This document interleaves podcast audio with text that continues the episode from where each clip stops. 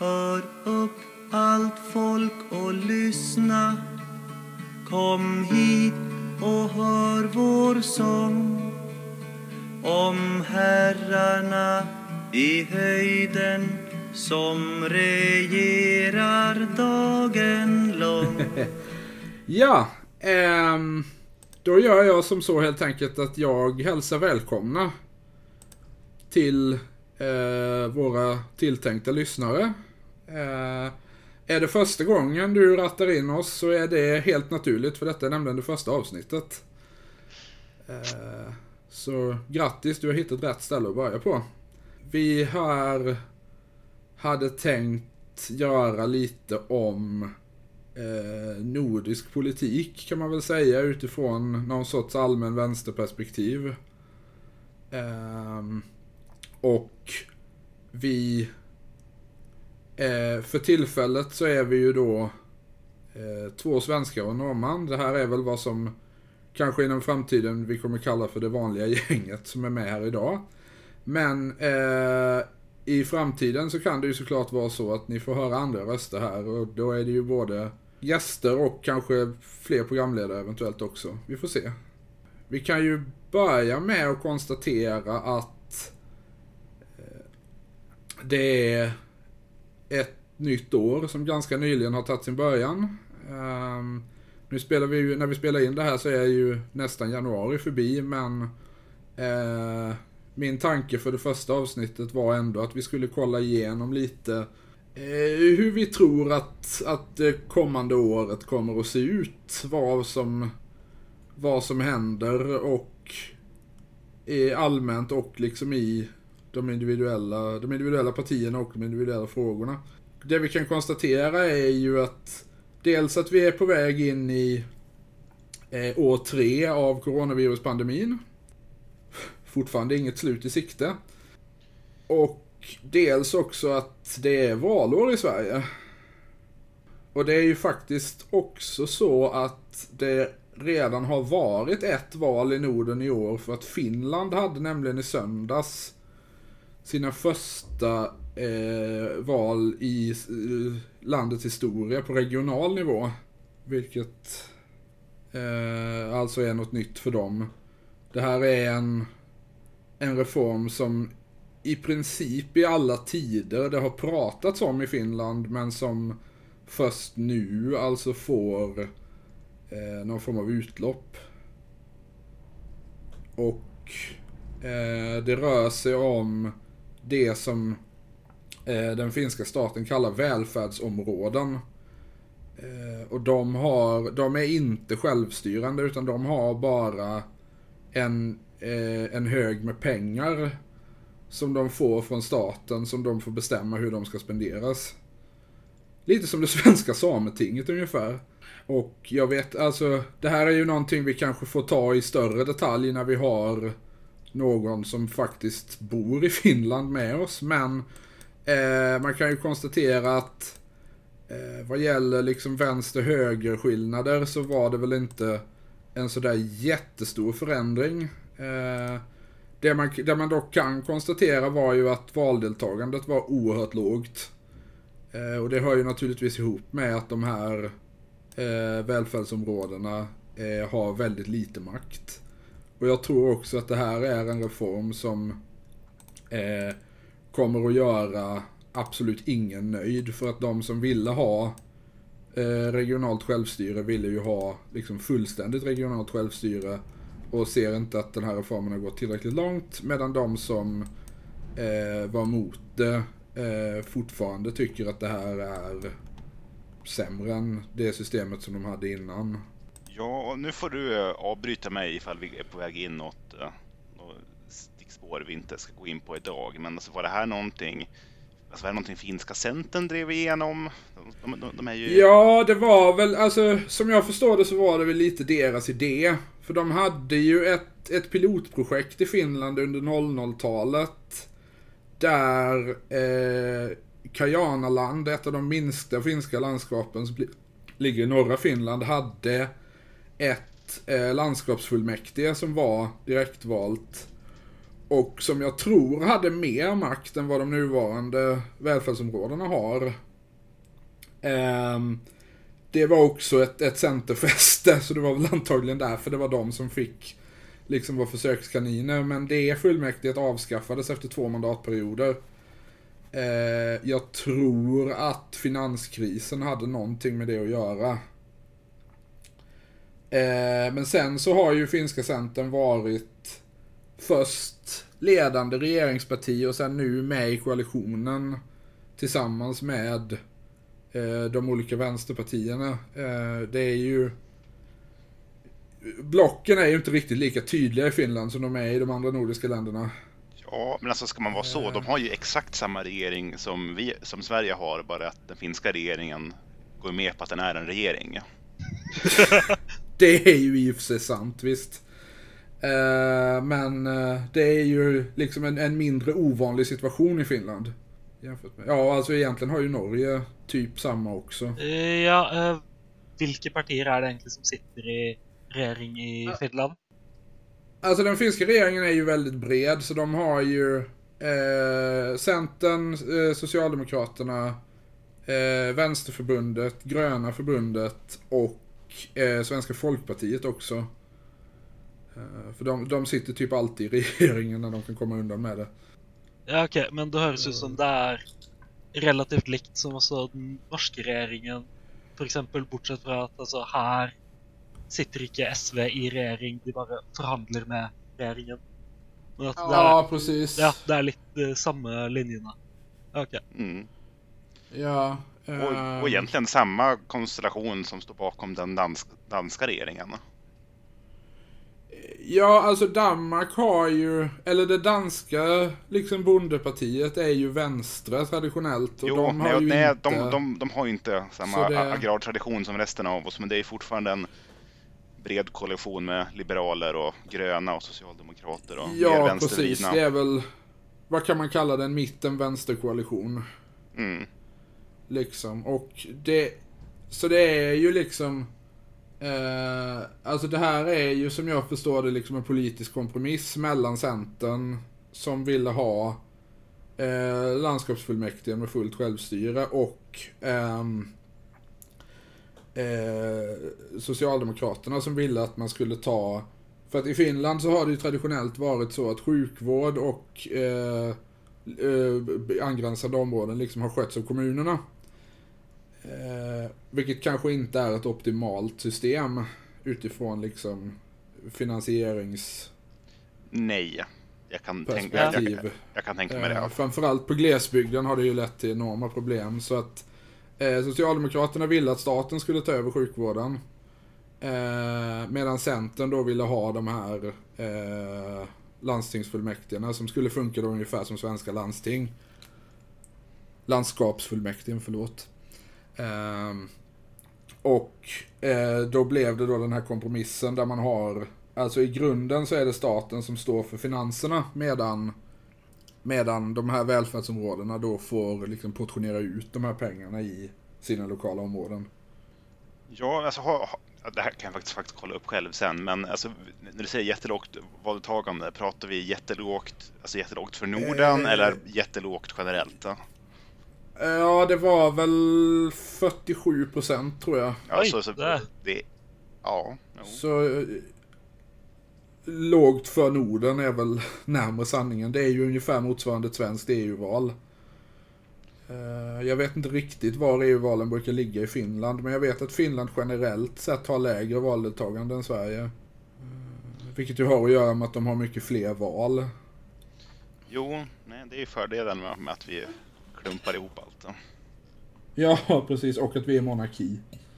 Det, är det också. I, eh, I 2019 så var äh, valdeltagelsen i det finska EU-valet på 40 procent. Så ja, nej, det kan stämma att Finland bara generellt har lavere valgdeltakelse än resten av Norden. Mm. Det är så lågt ändå. Jo, men jag har för mig det. Så för att gå över till, till, eh, till Sverige så har vi ju en lite, en lite speciell situation nu i och med att eh, regeringen fälldes under 2021. Vilket innebär att eh, den, eh, den majoritet som fanns då eh, är lite, lite luddigare idag. Eh, och den regeringen som sitter nu eh, i praktiken sitter för att bedriva valkampanj snarare än att göra reformer. Eh, men jag jag misstänker, och nu är detta mina personliga tankar här, men jag misstänker att den svenska socialdemokratin eh, håller på att röra sig i lite av en dansk riktning. Alltså att man går lite mer till vänster på den ekonomiska politiken än vad man har gjort innan samtidigt som man driver på eh, det här med, med hårda tag mot brott och mot eh, mot flyktingar och så vidare.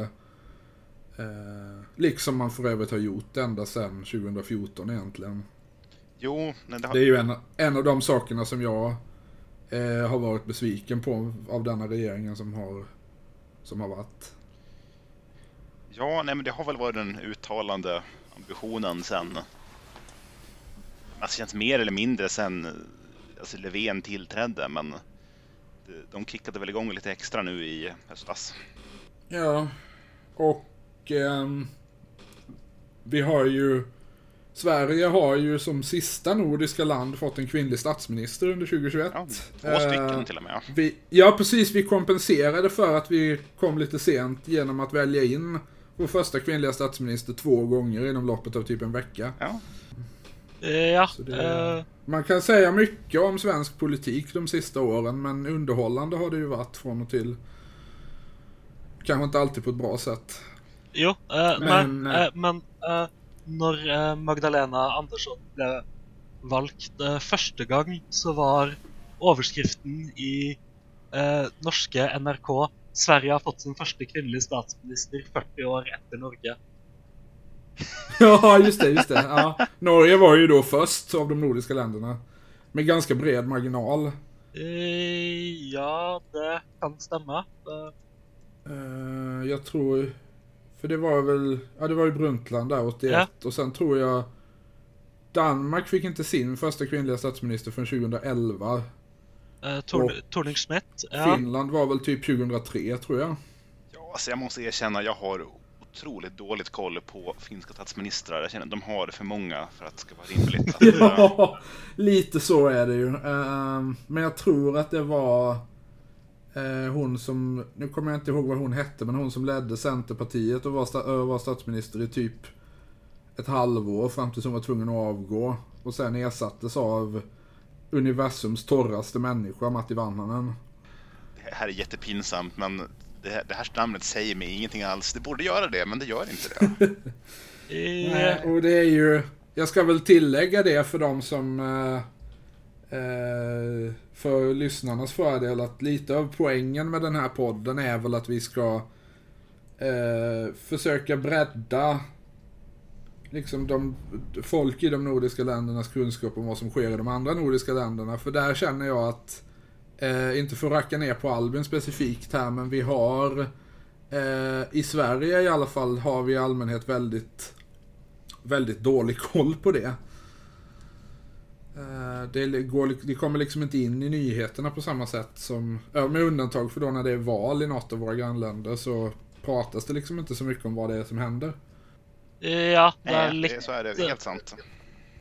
Det är lite samma situation i Norge som man eh, snakke litt om altså, svensk og dansk politikk, men altså Jeg må innrømme at jeg vet nesten ingenting om eh, Finland eh, eller Island.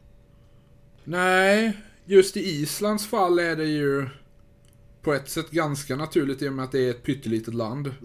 Ja, det är på, Men, det är på størrelse eh, med Det är på størrelse med Bergen. Är... Ja, eller Malmö för den delen. Ja. Mm. Ja, så det är ju... Förlåt. Någon gång, ifall den här podden får överleva, ska vi ha ett specialavsnitt av Finland. Så jag kan få ta reda på varför de har den regering de har och hur fan det där går ihop.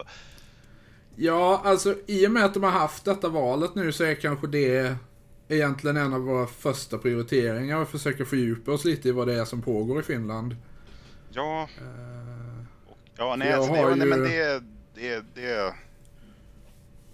Sa jag, sa jag Finland? För sen menade jag Island. Ja. Jaha, okej, okay, ja. Ja, de också såklart. De har ju... Ja, det är väl i inte förrän 2024 de ska ha val egentligen. Ja, nej, nej, de hade ju kan, förra året Kan det ju bli tidigare än så.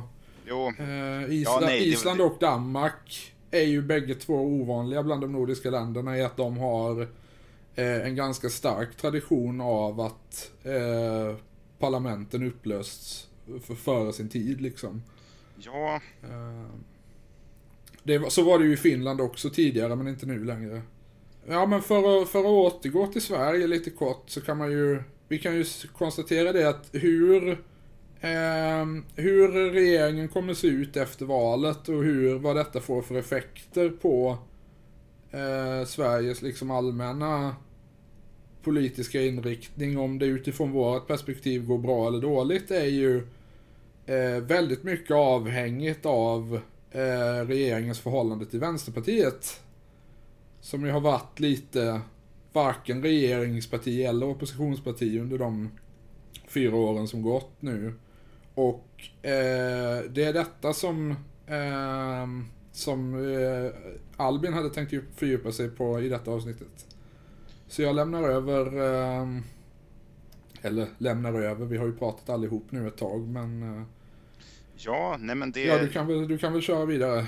Ja, men absolut. Det tänker jag göra. Och det är bara att avbryta och hoppa in vid frågor eller rättanden eller eh, en vilja att eh, bara prata lite grann. Det är helt okej.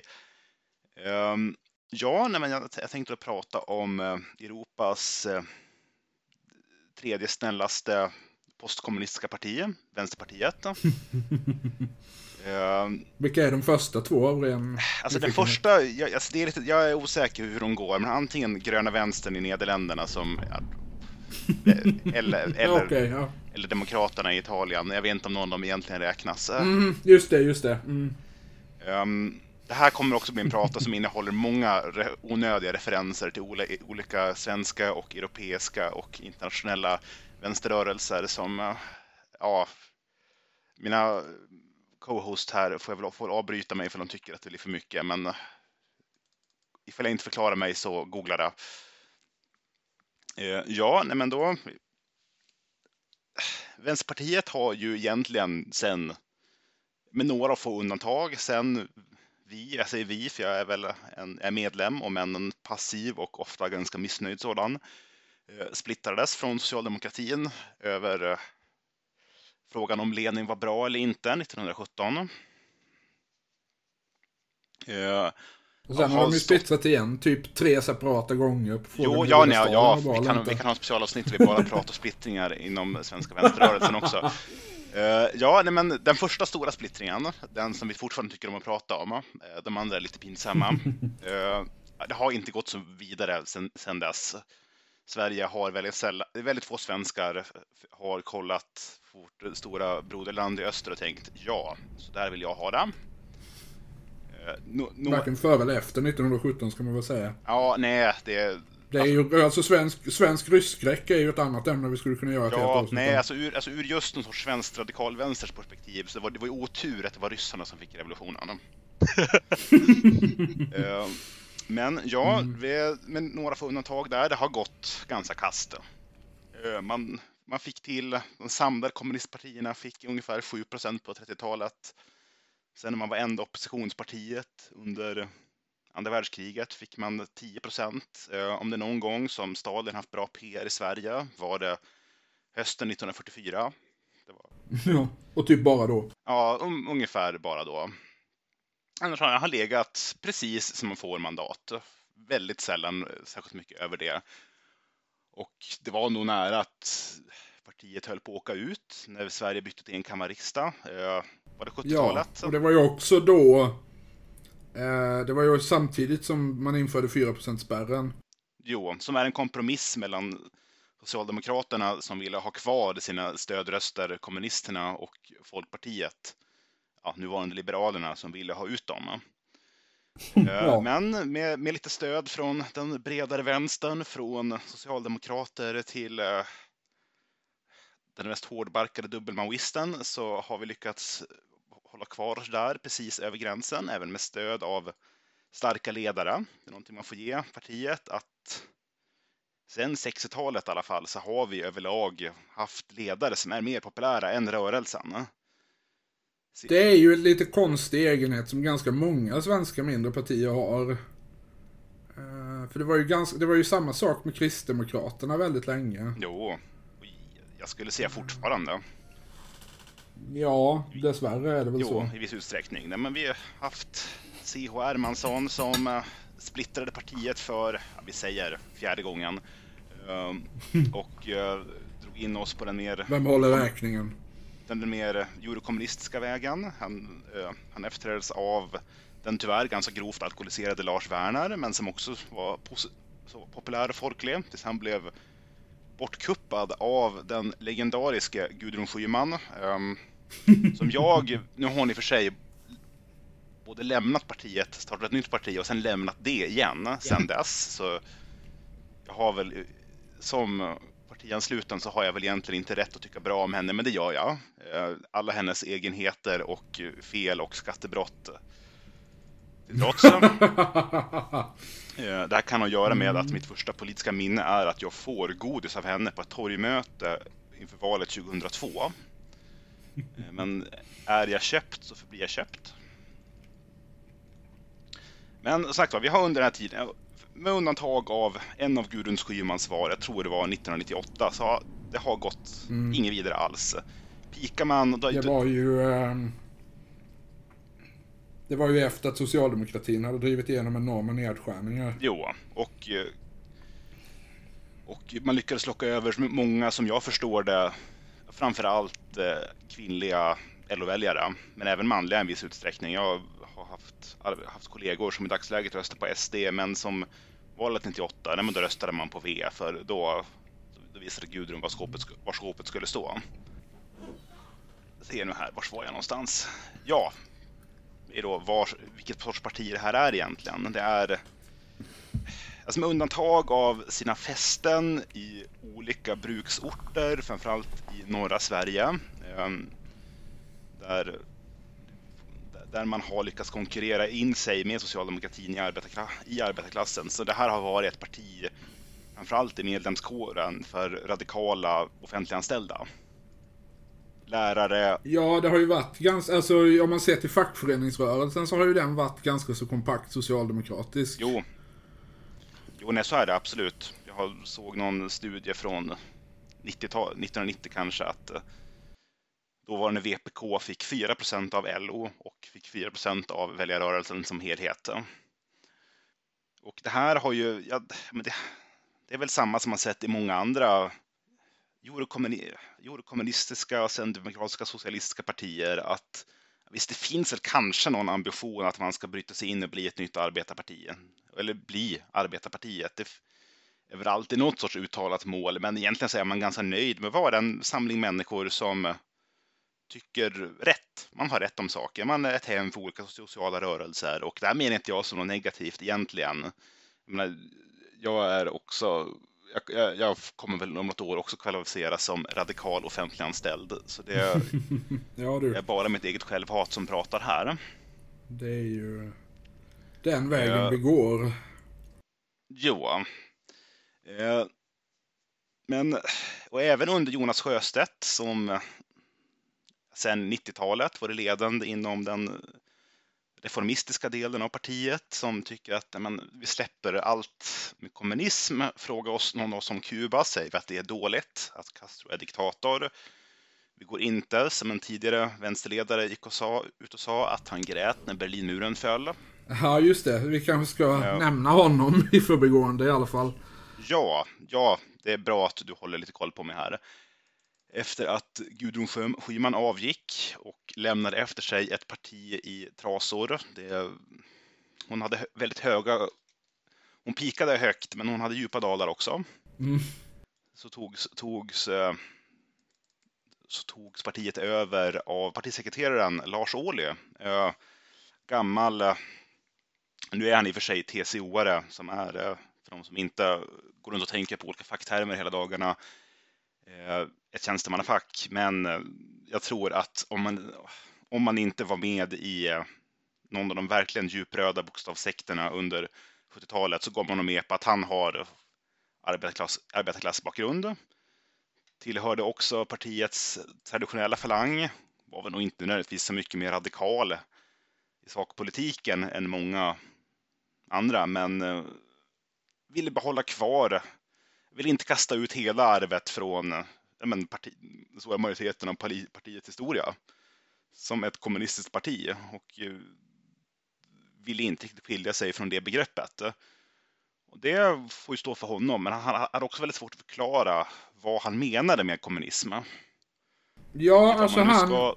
Jag upplevde ju under den tiden han var partiledare att han hade väldigt...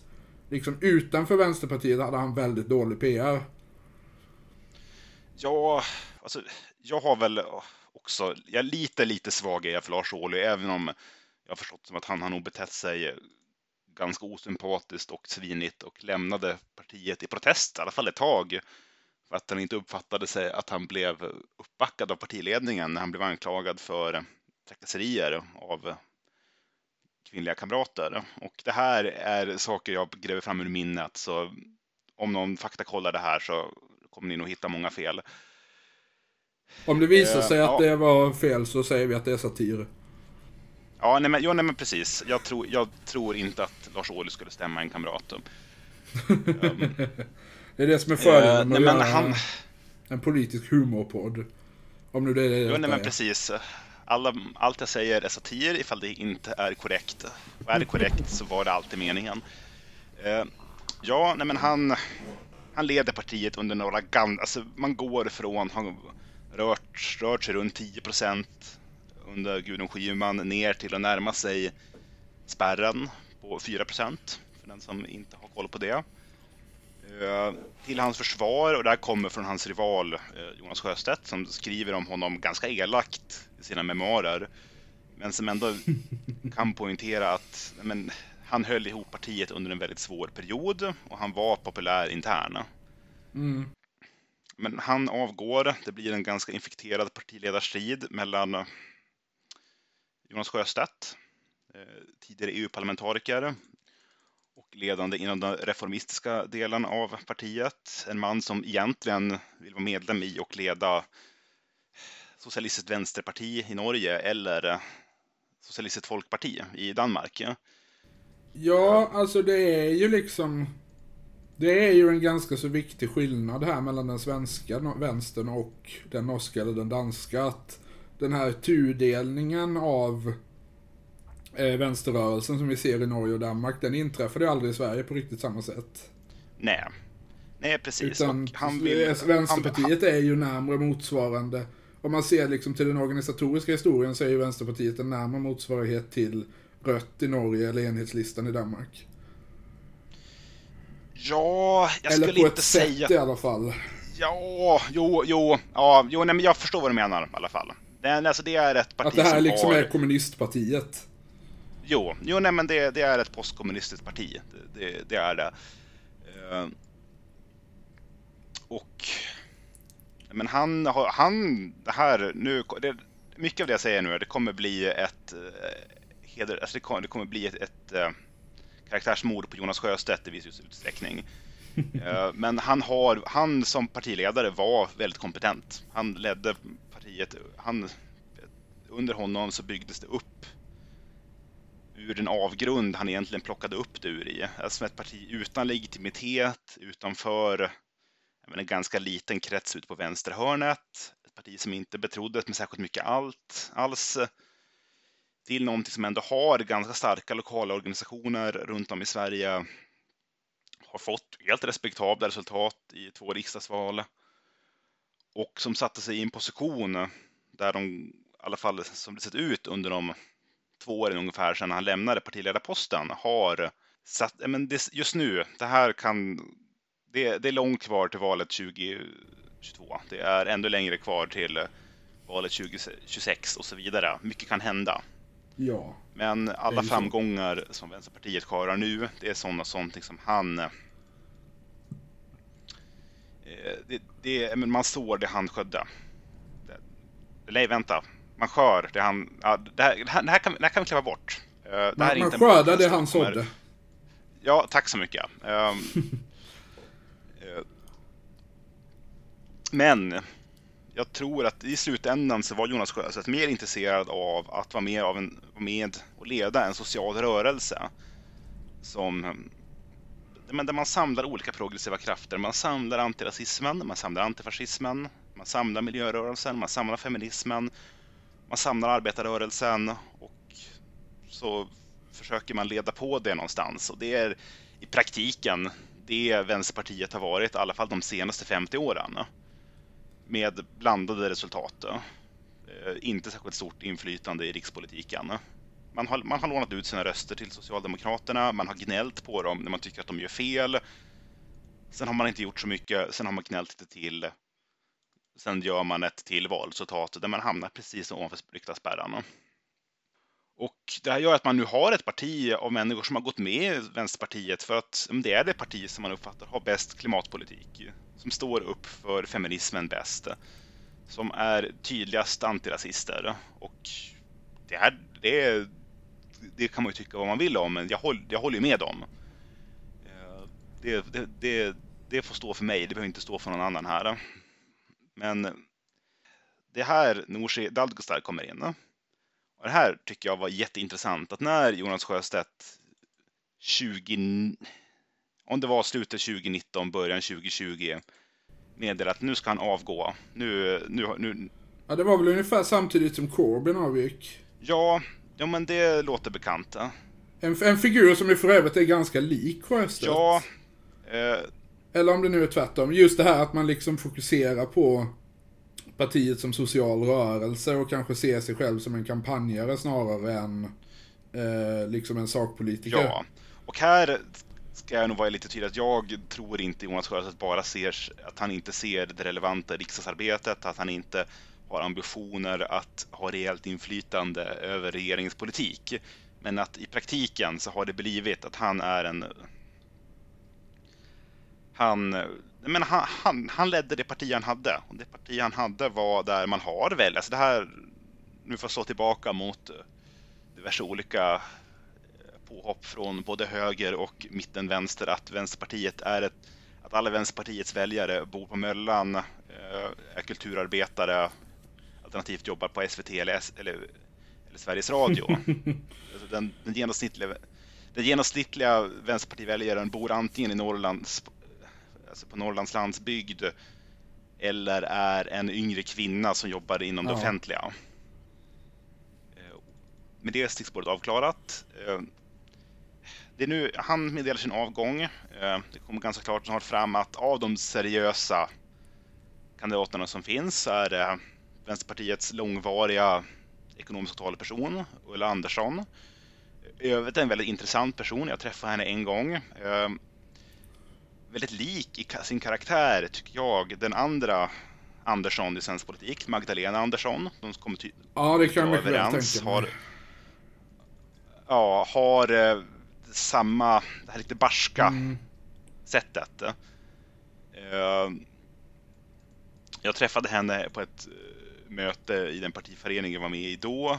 Uh, man märkte att det hade varit en lång dag och hon hade ingen, ingen lust alls att ta frågor från den sortens medlem som kan dyka upp på möten, för här får man tillfälle att prata. som vi ju alla vet utgör stommen i svensk vänster. Ja, jo, ja, Eh, jag, jag, jag, misstänker att han är, finns i svensk höger också, men jag har inget bevis. Alltså det är ju svårt i och med men, att nej, det är liksom... Hade... Jag, alltså jag har ingen aning egentligen om hur liksom mötesstrukturen överhuvudtaget ser ut på den sidan av politiken. Så att... Nej. Nej, nej, in, det, har, det har inte jag heller, så vi får... Uh, vi kan, men det gör ju också att vi kan komma... Det här är alltså en klassisk väns, vänsterbubblepodd. Satir Jo, nej men precis. Jag, jag, jag tänker inte sitta här och prata med oliktänkande. uh, nej men, eh, jag har väldigt stort, ja men hon, ja men CS uppfattar jag det som, som men, kompetent, är respekterad. Jag tror det fanns, det fanns någon risk att hon skulle få... Men hon har ett sätt som jag tror kan, kan reta många manliga väljare, men jag kan ha fel om sånt och man kan inte basera hela sina alla sina politiska val till vad kan reta män. Det, då, kommer då kommer feminismen inte långt. En rörelse nej. som vars, var, Nej, framförallt, framförallt så kan komma ett parti vars den stora majoriteten av väljare är kvinnor. Det, det, blir, det blir en konstig logik. Det är också att, sant. Att, uh, att hålla sig efter. Nej, men hon är väldigt, hon är väldigt bra. Uh, men det kom väl snabbt, det stod mellan henne och partiets nyval, nyvalda vice ordförande. En ung, ja. ganska okänd kvinna med ett namn som med tydlig utomeuropeisk bakgrund. Uh, från Stockholm, ja, från Göteborg egentligen. Bodde i Stockholm nu. Och nu visste ju alla att men det här, alltså en, nu, nu måste ju vänstern välja. Och med alla menar jag nu diverse högertyckare på Twitter, men det här är en podd där vi också raljerar över sådana. oh ja, oh ja. Det kommer vi få uh, mycket chanser att göra framöver tror jag. Ja, men, ja, men det, det är bra. Uh, nej, men det är klart vänstern som bara styrs av identitetspolitik, de kommer ju välja den här rabiata unga feministen från Stockholm som säkert inte ens pratar svenska och gör hon det så är det Rinkeby mål och helt dum i huvudet är hon ju uppenbart. Liksom, det, det fattar ju vem som helst. Och, och sen, var, var det mycket väl så att Ulla Andersson tackade för sig. Hon hade ingen lust att ställa upp. Hon hade i flera perioder varit sjukskriven för, för, för utbrändhet. Hon tänkte inte ta på sig en partiledarroll när hon började närma sig 60. Så det vart det, det, vart det walkover för den här unga rabiata feministen från Stockholm som hatade landsbygden och eh, män och antagligen var stalinist också. Eh, det, det, det, det kan man ju anta. De, eh, de, okänd, de ökända eh, eh, den, den ökända islamvänstern. Den ja, känner vi ju till. Jo, nej, men, Ja, det menas, ni, har, ni har ju på namnet Nooshi Dadgostar. Det här är ju någon sorts Isis-leninist. Sen blir hon... Eh, nej men, och, och hon, hon blir vald. Det här, det här var ju döden för svensk vänster. Som eh, Aftonbladets eh, stora och eh, väldigt eh, kompetenta politiska kommentator sa. Ingen, ingen vet vem hon är. Det kommer aldrig gå.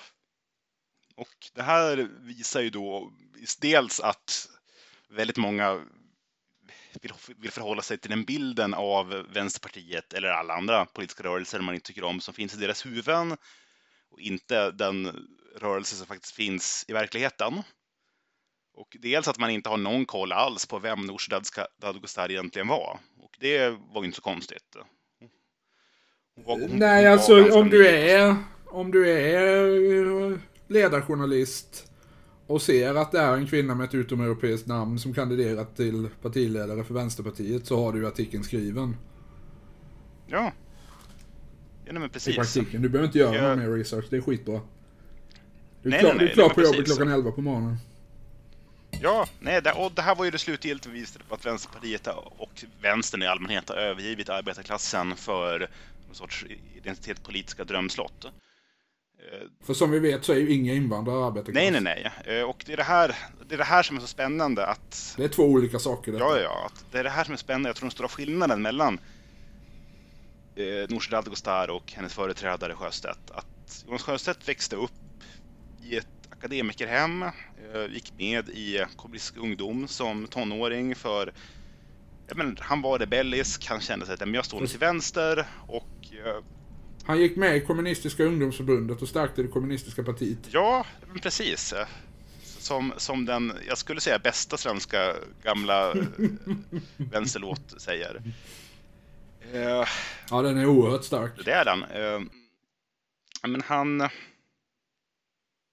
Jag tror att om han hade bott i ett lite större samhälle då och inte en liten bruksort på Västgötaslätten, då hade han nog blivit, blivit socialdemokrat. Men han såg, alltså de lokal, alltså den lokala socialdemokratin, den var för arrogant, den var för maktfullkomlig och någon som också växte upp i en liten bruksort där Socialdemokraterna har bestämt sedan stenåldern, så jag förstår var han kommer ifrån. och, men, och resten är historia. Eh, Nooshi Dadgostar däremot eh, växte upp i ett, men, två föräldrar som jobbade eh, lågbetalda arbeten inom vården. Jag tror det var, kan vara, eller det kan vara att någon förälder var lokalvårdare också. Eh, ung tjej, mitten på 90-talet. Eh, så arg som unga människor i allmänhet tycker jag, jag tycker har en rätt att vara. Eh, och går med i... Ja, särskilt i dessa tider. Ja, och jag kan... Och på 90-talet för den delen. Ja. Och går med i, och det här är lite förenklat, men vi, det här har blivit långrandigt nog, vi behöver inte dra det hur, hur långt som helst. Går med i Gudrun Schyman, som också är arg feminist, vänster och talar ändå ur från en sorts underifrån perspektiv.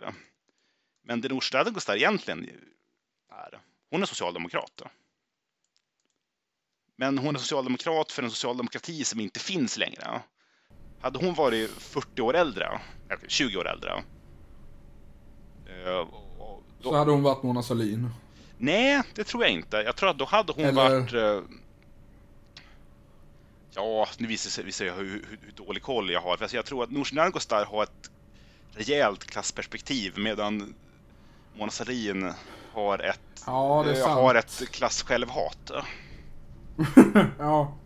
Jo, där kan du ha en poäng faktiskt. Ja. Det, Men hon, det, det, hon vill, hon vill att Sverige ska ha ett en stark arbetarrörelse, ett starkt arbetarparti som, står, som för all del står till vänster, men det är arbeta, men för att bygga det samhälle, eller återuppbygga, om man ska tro på många av hennes retoriska punkter, att hon som växte upp i ett fattigt hem, Sverige på 80-talet, det var inte en, en upplevd fattigdom, för samhället var så starkt. Och det är det, om man tror det hon säger, hon, hon vill återuppbygga. För det behövs ett parti som går genom, om vi ska fortsätta slänga oss med lite marxistiska begrepp, arbetarklassen. Och eh, under hennes livstid, så det partiet har, i alla fall inte ur hennes perspektiv, varit socialdemokratin. Så då måste det byggas någon annanstans. Och ja, man kan ju, man kan ju starta sina, e sina egna småpartier. Eh, det har inte lyckats så bra hittills. Mm. Svensk vänster har varit otroligt kass på att eh, starta nya partier som, har, som får någon sorts eh, slagkraft på nationell nivå. Då har de ändå försökt en del. Jo, många försök har gjorts. Eh, vi har aldrig lyckats skapa något rött. Vi har aldrig skapat någon enhetslista. Ehm, men eh, det är där vi står nu. Eh, vi har lämnat bakom oss, eller vi håller på möjligen att lämna bakom oss ett parti vars uppgift är att samla människor som tycker rätt om rätt saker och som kan säga åt socialdemokratin att men sluta nu, nu får ni skärpa er. Eh, och på väg att bli ett parti som har som ambition att bli socialdemokratin. Att dränka den i sin egen privatiserade badkar och eh, ta över. Eh, och det här har gjort... Det här, jag tror det har överdrivits i media i viss del, men det här skapar ju liksom interna... Alltså det här skapar ju stridigheter internt. På ena sidan har man en en, le en ledning som är ute och pratar om industrijobb, om den gröna återindustrialiseringen av Norrland, om allt fint vi ska göra där, som röstar för regeringens förslag att tillåta svensk cementindustri att eh, fortsätta producera eh, utan miljötillstånd.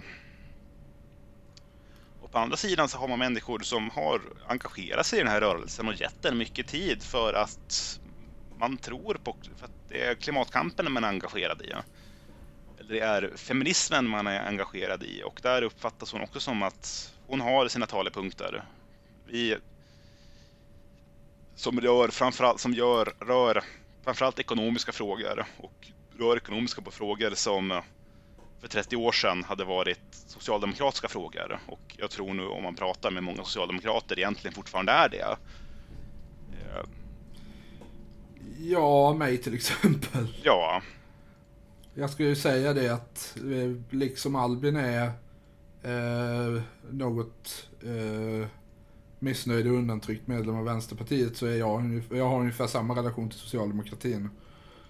Eh, så jag passar väl egentligen ganska bra in i den där eh, i eh, Dagostas tanke om att återuppbygga någon sorts arbetarparti. Jo. Bara det att jag av olika skäl inte har övergett tanken på att det skulle kunna vara det socialdemokratiska parti som finns. Nej, och jag kan ju säga att jag är, jag är ju mer sympatisk för den nuvarande partiledningen än vad jag är inför men, den interna oppositionen. Även om jag har, jag har full förståelse till varför det ändå finns ett stort missnöje. Eh, jag, jag, även om jag nog egentligen identifierar mig som... Det är, alltid, det är alltid roligt att säga att man är mer radikal än någon annan, för det, det går som inte att motbevisa. Eh, men eh, jag... Det, det partiet jag, jag, jag, vill rösta på finns inte, så jag, jag, jag, jag nöjer mig till med att en rörelse som försöker bygga en ny vänster socialdemokrati. Men det här partiet har sin kongress här om inte allt för lång tid. Jag tror det är Just det. Om, om någon helg, digitalt. Och ut, inte, för att inte bli för konspiratorisk. Eh, jag tror alltså det här har flyttats över digitalt, antagligen för att eh, alltså på grund av de rådande omständigheterna. Men hade det här hållits men, IRL, om vi ska säga så, och eh, folk hade fått tillåtelse att eh, röra sig fritt, prata fritt med varandra, det hade varit mer fria motioner.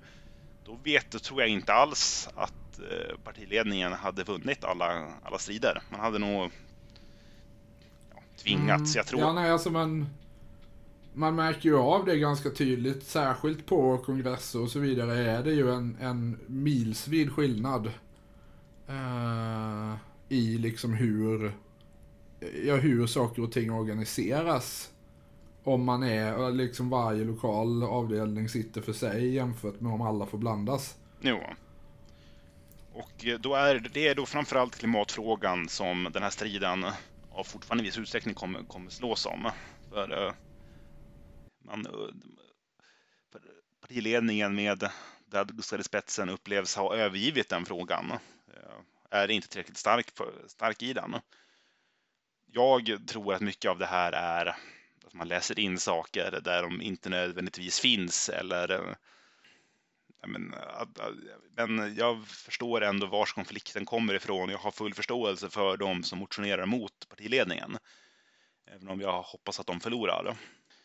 Men eh, ja, det är lite där vi är nu. En partiledare med höga förtroendesiffror allmänt leder partiet till bästa opinionsresultaten på länge. Man har äntligen lyckats göra de här de relativa inslagen i men den, den väljargrupp man egentligen har sagt sig, sagt sig vara ute efter sedan eh, 1917. Om man kollar SVT har en val, valbarometer, om man går in och kollar där på hur de olika fack... fack eh, men vad säger man? Vad är, förbunden? Alltså, är, är, är det det man ja. säger? LO, TCO? Eh, är det förbund man ja, säger? Ja, precis. Ja, om man... Jag vet inte faktiskt. Ja, men okej, om man ser. Ja, vi, vi kan säga det. Ja, men just nu, senaste sammanställningen, så ligger partiet på 12 procent hos eh, LO-väljarna. Eh, det är sämre än var, var man ligger hos eh, TCO-anslutna väljare eller eh, akademikerfacket som heter Max, vad heter de? Saco. Saco. Det, det, är så bra att jag vet vad, jag, det, vad det jag själv är med i heter. Eh, ja, du. Ja, man, där ligger man än, ännu bättre, men 12 procent, det är ändå... Ja, så bra har man nog inte vunnit. Om vi skulle gå det, till, det valresultatet, då, så bra har det nog inte gått på ganska länge. Ja, det är väl sedan 98 där. Ja, Eh, så det, på ena sidan så har man den här ändå framgångsrika ledningen som har omdefinierat Vänsterpartiets roll i svensk politik. Jag vet inte hur mycket vi ska gå in på förra årets olika kriser, men uh, ingen kan ju påstå att Nooshi Dadgostar inte satte sig själv i mitten i flera ganska hetska strider och gick segrande ur dem. Ja, nej, det är ju, det är ju så. Jo, och på andra sidan så har man ett parti som upplever att... Vi har ju fortfarande att... inte marknadshyror i Sverige. Nej, precis. Trots allt. Nej. Och på andra sidan så har man gräsrötter som upplever att partiledningen, trots de här framgångarna, eller kanske genom de här framgångarna, eh, sviker vad de uppfattar kärnan partiet att är. Att vad kärnan i partiet är. Och då blir det konflikten, ska det här vara ett arbetarparti som står till vänster? Eller ska det vara ett vänsterparti som också innehåller någon sorts, någon sorts klassperspektiv? Och ja, det, vi får se hur det blir. Jag har ingen aning faktiskt. Ja, det är ju en intressant eh, det ska ju bli intressant att se utvecklingen nu under, under valåret som kommer. Ja, verkligen. Jag tror att eh, om du bara pratar eh, the horse race som de brukar gnälla om i amerikansk politik, så jag tror för den breda svenska vänstern, eller de rödgröna, eller de som bara de, vi som inte tycker att Sverigedemokraterna borde få ingå i regeringen, eh, så var valet av Magdalena Andersson bra. Eh, för Vänsterpartiet var valet av Magdalena Andersson ganska dåligt. För... Ja, det kan jag väl hålla med dig. Jag tror ju att till syvende och sist så kommer det nog bli eh, alltså regeringsblocket om vi ska kalla det det, för det är ju lite svårt att ge den eh, en, en politiskt konsekvent, ett politiskt konsekvent namn. Mm. Men eh, S, MP, CV eh, tror jag kommer att komma upp eh, lite högre än vad L, M, KDS det gör. Sen är ju frågan om vilka partier som kommer att hänga kvar i riksdagen. Ja, och det kanske är någonting vi ska ta senare diskussion, för, eller många senare diskussioner. Ja, det kommer vi nog återvända till ett, ett antal gånger här. Jo. Och jag tänker att eh, just i frågan om, om Vänsterpartiets interna stridigheter kan vi ju återkomma till efter att de har haft sin partikongress. Eh, och så där man kanske kan konstatera att någon av sidorna har eh, inom citationstecken vunnit. Ja, eller om det är som jag ändå haft också en tanke jag haft att mycket av det här är någonting som blåsts upp av media som hittat en vänsterpartist som tycker att ja, det här var inget bra. Och sen sprungit med det. Men det, det, det får ja, framtiden det. visa. Högt uppsatta källor inom Vänsterpartiet. Ja. Ja, och det här med att, eh, att det blåser nu konstaterade vi ju att de vinden har punkterats lite nu i och med valet av Magdalena Andersson, men eh, det här med att, eh, att vänstervindar blåser är ju någonting som man har gemensamt med eh, motsvarande två partier i Norge. Och eh, det var väl lite det som, eh, som vår norska kamrat hade tänkt att eh, utveckla. Ja, jag tänkte att jag kunde aller først starte med altså uh, stortingsvalget i, i fjor, uh, i september. Ja, just det. Mm. Ja. Norge, Sverige har ju valår i år och Norge hade ju det förra året. Ja, det Så før valget hadde vi da en regjering bestående av Høyre, Venstre og Kristelig Folkeparti, med, som var avhengig av budsjett støtte fra Fremskrittspartiet. Fremskrittspartiet. Ja, just det, för de lämnade regeringen någonstans ja. där i...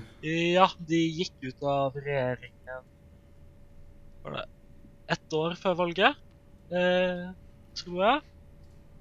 Eh, januar eh, 2020 så... Jaha, okej, okay, men då är det ju... Ja, halvannet år för... Ett och ett halvt år, ja precis. Ja. Eh, grunden till att de gick ut av regeringen var en utrolig viktig prinsipiell sak, så var det at regjeringen ville hente hjem én person fra Syria. Jajamän. Ja.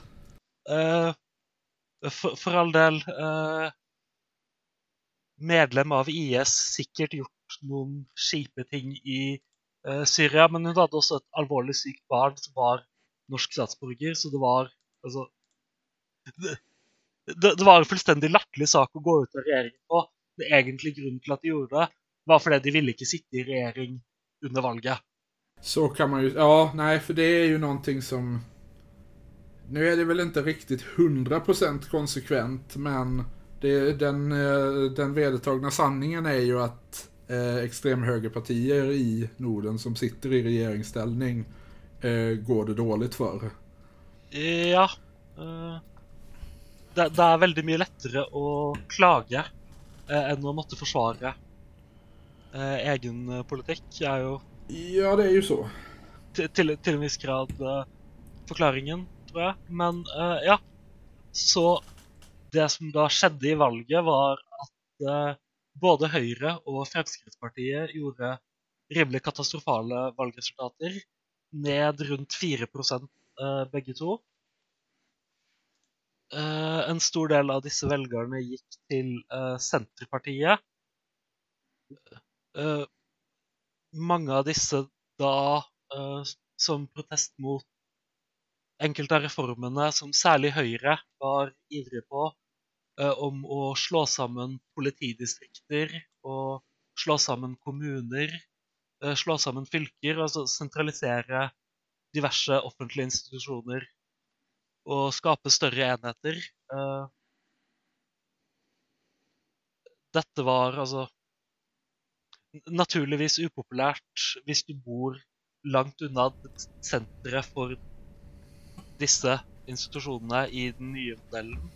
Så Senterpartiet, som for så vidt alltid har gjort det bra ute i distriktene Det er jo litt ironisk, det. De burde hete Periferipartiet, egentlig. jo, uh, ja. det, det, det, det, kan man vel egentlig si om det sånn nordiske eh, Ja, det vel litt, ja, det svenska Centerpartiet er jo ikke riktig så lenger. Nei, de... Men de er jo også en veldig, veldig merkelig organisasjon. Ja, jeg har fått, slik jeg har forstått det, så minner de mer om Venstre, hvis jeg skal sammenligne det med et norsk parti, enn Senterpartiet. Ja, på ett sett er det vel litt så. Ja, en Hälften Sen ett ju... ganska radikalt liberalt parti, hälften intresse politiska grenen för svenska skogsindustrin. ja. Okej, okay. ja. Uh, hvor var jeg? Ja, ja valg... ungefär så kan man väl. Men uh, valgresultatet, så altså uh, Arbeiderpartiet, som da siden andre verdenskrig har vært altså ledende uh, styringspartiet i Norge ja, precis som i Sverige og Danmark ja. Uh, de gjorde for så vidt ikke et godt valg, uh, 26 uh, Et av deres dårligste valgresultater, men med alle velgerne uh, som gikk til Senterpartiet og Sosialistisk Venstreparti og Rødt, så var det da likevel nok til at den sittende regjeringen eh, mistet eh, sitt flertall. og man hadde mulighet til å lage en ny regjering. Da startet man eh, etter valget med forhandlinger mellom Arbeiderpartiet, Senterpartiet og SV. De samme tre partiene som satt i regjering fra 2005 til 2013. Just det. Uh, men, men uh, disse forhandlingene førte ikke fram til noe. Eh, SV forlot forhandlingene etter at Arbeiderpartiet og Senterpartiet ikke var villige til å gi noe gjennomslag på det politiske spørsmålet som skiller Norge mest fra resten av Norden olje. Just det. Ja. Uh, SV, Rødt, uh, Miljøpartiet og uh, Venstre har hadde alle brukt mye tid i valgkampen på å snakke om viktigheten av å fase ut oljeindustrien uh, med litt altså ulike perspektiver. Uh, eh, MDG ville sette en altså, Miljøpartiet ville sette en definitiv sluttdato for uh, oljeproduksjon. SV og Rødt ville slutte å lete etter ny olje og gradvis avtrappe eksisterende produksjon. Og så jeg er litt usikker på hva Venstre egentlig ville. det er vel ikke du ensom om? Uh, nei, det er litt altså Venstre Det er vel et problem de har hatt et tak. Historie. Uh, ja. Uh, alle har vært litt usikre på hva Venstre egentlig vil etter at de fikk gjennom parlamentarisme i 1884, så har de ikke hatt noen reell funksjon. snyggt.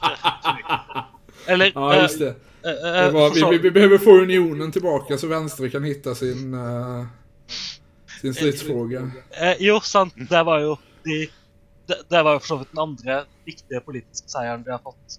Det er parlamentarismen og oppløsningen av unionen. Men det siste århundret har de ikke gjort så mye ut av seg.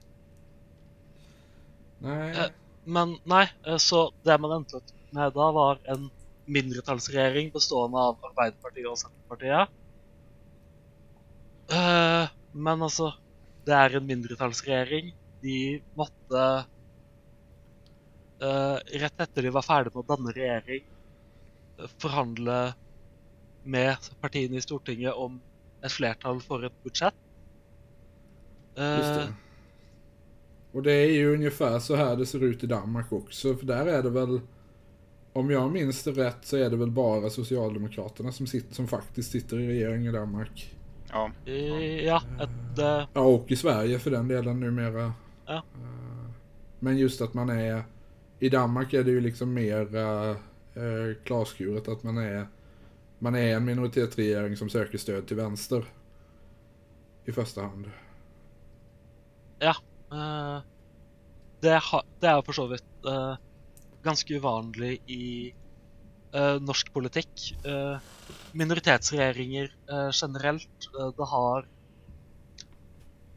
i- i, et, I etterkrigstiden så har man stort sett hatt enten en flertallsregjering fra Arbeiderpartiet eller en eller annen eh, ko- konstellasjon av alle andre enn Arbeiderpartiet som så vidt klarer å stable sammen et flertall.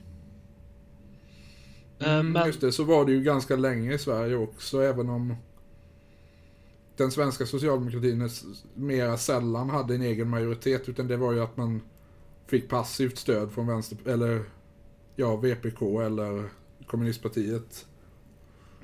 När, när man Ja. inte gjorde sina egna deals till eh, med Folkpartiet eller Centern. Ja, det är ju faktiskt sant, för det var ju eh, större delen av 50-talet så var det ju faktiskt en koalition mellan, eh, mellan S och C. Jo. Men tillbaka till Norge. Det har, ja, ja, naturligtvis. Ursäkta oss. Nei da, det er bare, bare fint med litt uh, avsporinger. Eh, eh, så ja.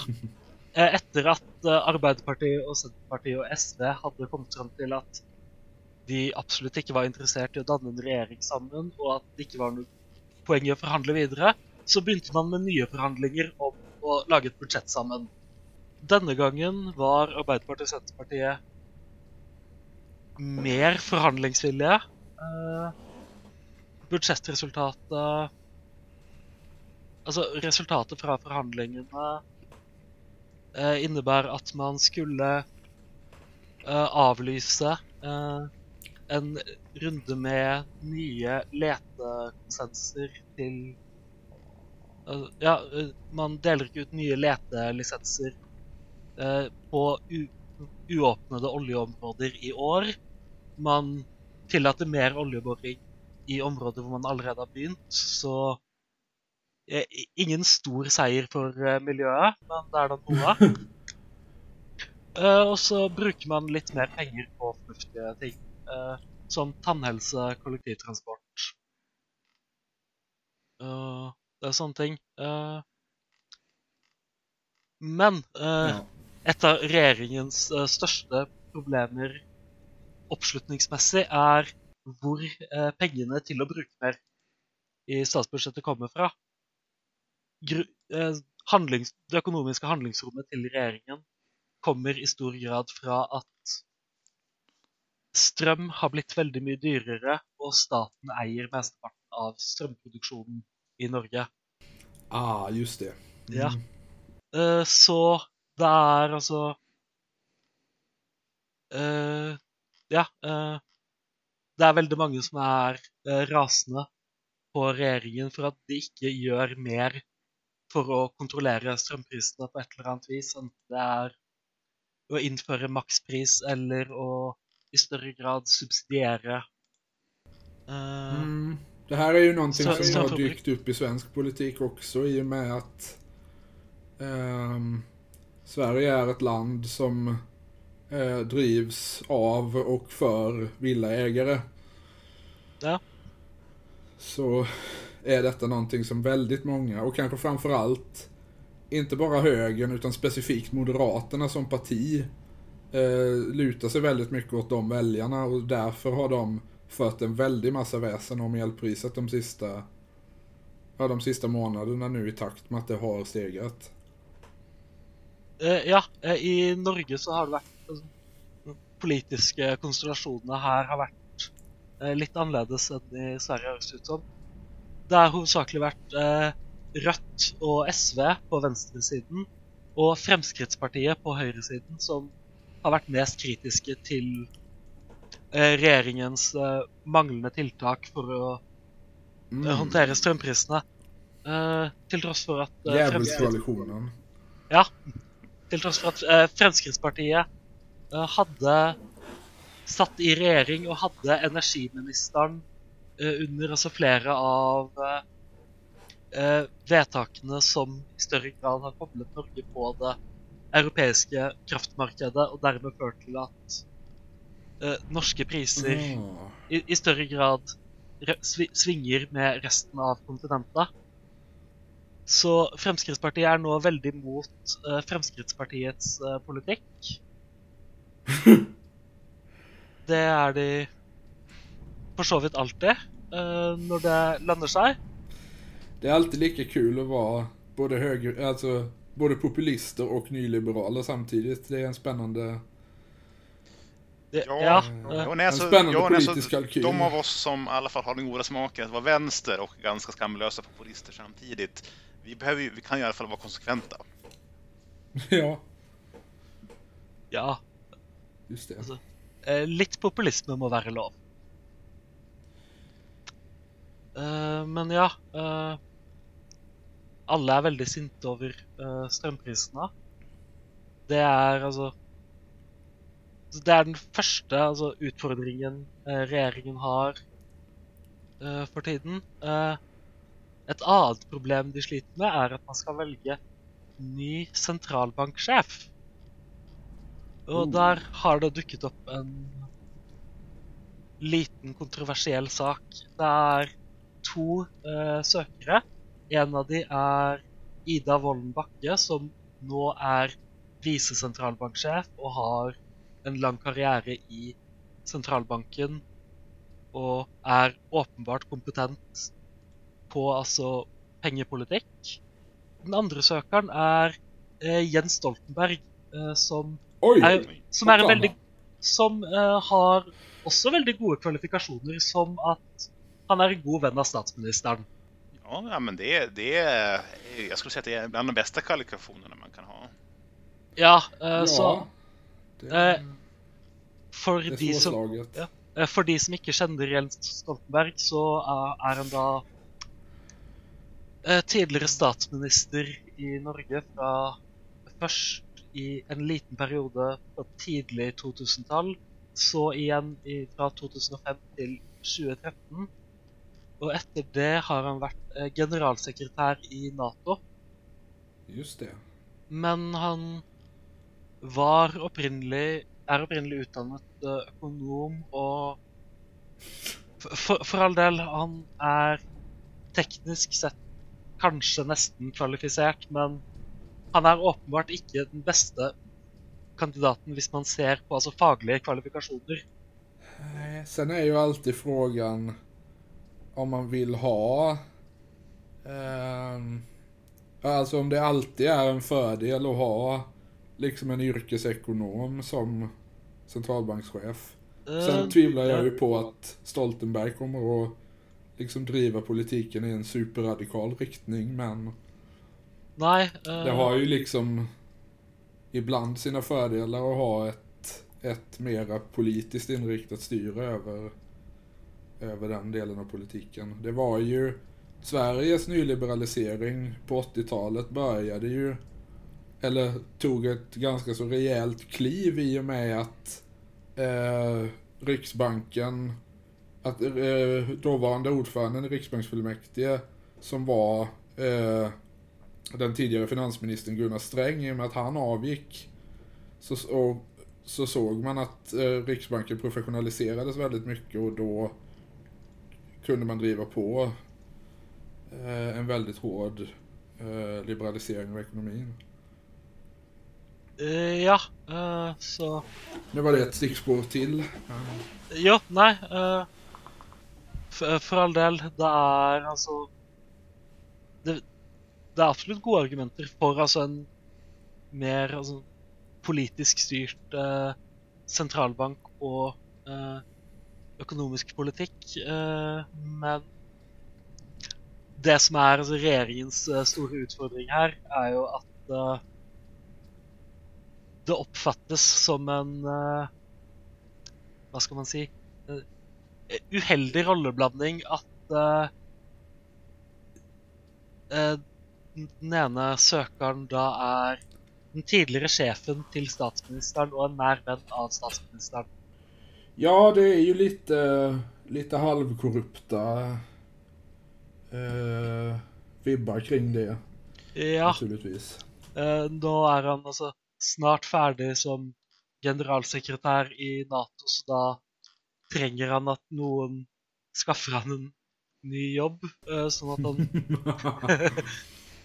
Jeg vet ikke, altså Jeg tror nok han kan fint gå av med pensjonen på det han har tjent. Ja, men- alltså det, han skulle nog inte fara illa om han gjorde det. Säga. tr tror nok han. Eh, Men sen så med tanke på vad socialdemokratiska statsministrar i massa länder brukar hitta på efter de lämnar politiken så det kanske är bäst om ni stoppar in honom i Riksbanken så ni vet var ni har honom. Ja, det är lite så. jo, for så. Eh, våran, för, alltså, han som var socialdemokratisk statsminister i Sverige ungefär motsvarande tid, han är ju också bankchef nu. Ja, bankchef och godsägare och Eh, hvem da? Göran Persson. Hva Han gjør, en, er- hva gjør en Persson sosialdemokrat? Ja. Ah, Eller, på pappret var han i alla fall det. Ja, nej, det, men det, det är en jättebra fråga. Svaret är antingen Ja, det är... jo, nei, altså jeg, jeg, jeg trodde genuint at han var statsminister fra Moderaterna. ja, jo, nej, det... Alltså, om, om, Alltså, om hundra det år går kommer ingen, kommer ingen kunna bevisa att han inte var det. ja, nej, han, eh, han avskaffade ju faktiskt arvsskatten i Sverige. Eh, ja. eh, Mer eller mindre på beställning från Svenskt Näringsliv för att de hade... Eh, de ville ha någonting efter att han misslyckades med att få in oss i, i euron. Ja. eh, den eh, forrige regjeringen i Norge avskaffet også arveavgiften eh, etter å ha brukt eh, to eller tre år på å finne ett eneste eksempel eh, av en bedrift som måtte eh, legge ned fordi at eh, På grunn av arveavgiften. Eh, eller nei, nei, vent, beklager. Jeg blander det med formuesskatten. Uh, arveavgiften Aha, okej. Arveavgiften eh, kuttet de fordi at det, det er slemt mot folk som eh, har, har mistet et familiemedlem, at de i tillegg må betale skatt på død. Eller et Ja, eller annet just det. sånt. Det, det, det där gamla klassiska dödsskatteargumentet. Ja. Ja, men i, i Sverige så avskaffar vi dem bara. Vi kommer inte med argument för det. Vi bara gör det. Nej. Ja. Ja, ja. Det är enklare så, särskilt när man är, som sagt, på pappret socialdemokrat. ja eh, nei, eh, så altså, det er Eh, Jo, nei, jeg glemte en politisk skandale til. Eh, stortingsrepresentanter eh, har, kan, hvis de bor utenfor Oslo, eh, disponere en bolig i Oslo eh, gratis. Hvis de bor eh, tror det er 40 minutter unna Oslo eller noe, og har altså boutgifter eh, knyttet til sin primærbolig i det fylket de er eh, valgt for. Og basert på latteren så gjetter jeg at dere enten har hørt om saken eller skjønner hva jeg, hva jeg skal si nå. Ja, men det här är ju någonting man känner igen. Ja. Eh, de här typen av... eh, det är ju någonting som svenska riksdagsledamöter har en viss tendens att ehm, tumma på. Också. Det var ju bland annat eh, någon sån, alltså en skandal i lite närområdet till det som var eh, skälet de använde för att eh, för, för att få ut eh, Håkan Juholt.